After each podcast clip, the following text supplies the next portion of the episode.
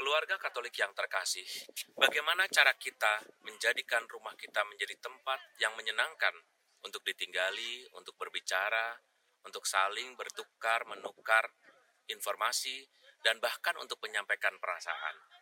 Hal yang terbaik adalah menyampaikan perasaan kita sebagai komunikasi tertinggi antara orang-orang tercinta.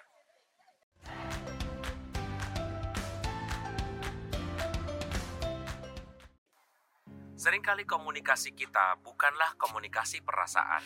Kita suka menawarkan hal-hal yang berbau sesuatu yang menakjubkan, sesuatu yang bersifat politik, atau sesuatu yang melulu hanya merupakan informasi dokumentasi. Tetapi apakah hal itu bisa mempersatukan orang-orang serumah? Perasaanlah yang membuat orang-orang bisa merasa dekat.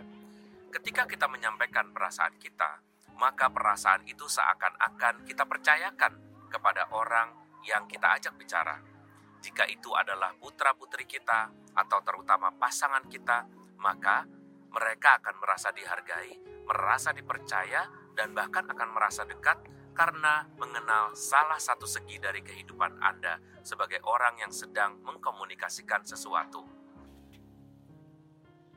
Tuhan bukan hanya memberi kita mulut untuk berbicara, tetapi Tuhan juga memberi kita tangan, memberi kita kaki, memberi kita badan, memberi kita tatapan mata, dan memberi kita banyak hal dari organ tubuh kita yang bisa kita berikan dalam rangka komunikasi. Ketika bahasa tubuh kita menyetujui sesuatu, maka kata-katanya akan menjadi semakin bermakna. Keluarga yang terkasih, jika Anda mengkomunikasikan sesuatu tanpa bahasa tubuh yang tepat, dan bahkan dengan intonasi yang kurang tepat, barangkali apa yang Anda katakan tidak akan berhasil. Maka, ketika Anda mengkomunikasikan perasaan Anda, hal terpenting yang pantas Anda ingat adalah bahwa seluruh hidup Anda, seluruh keberadaan Anda saat itu harus berada di sana. Kita harus fokus, kita harus berada di situ dan dengan tulus mengkomunikasikan itu.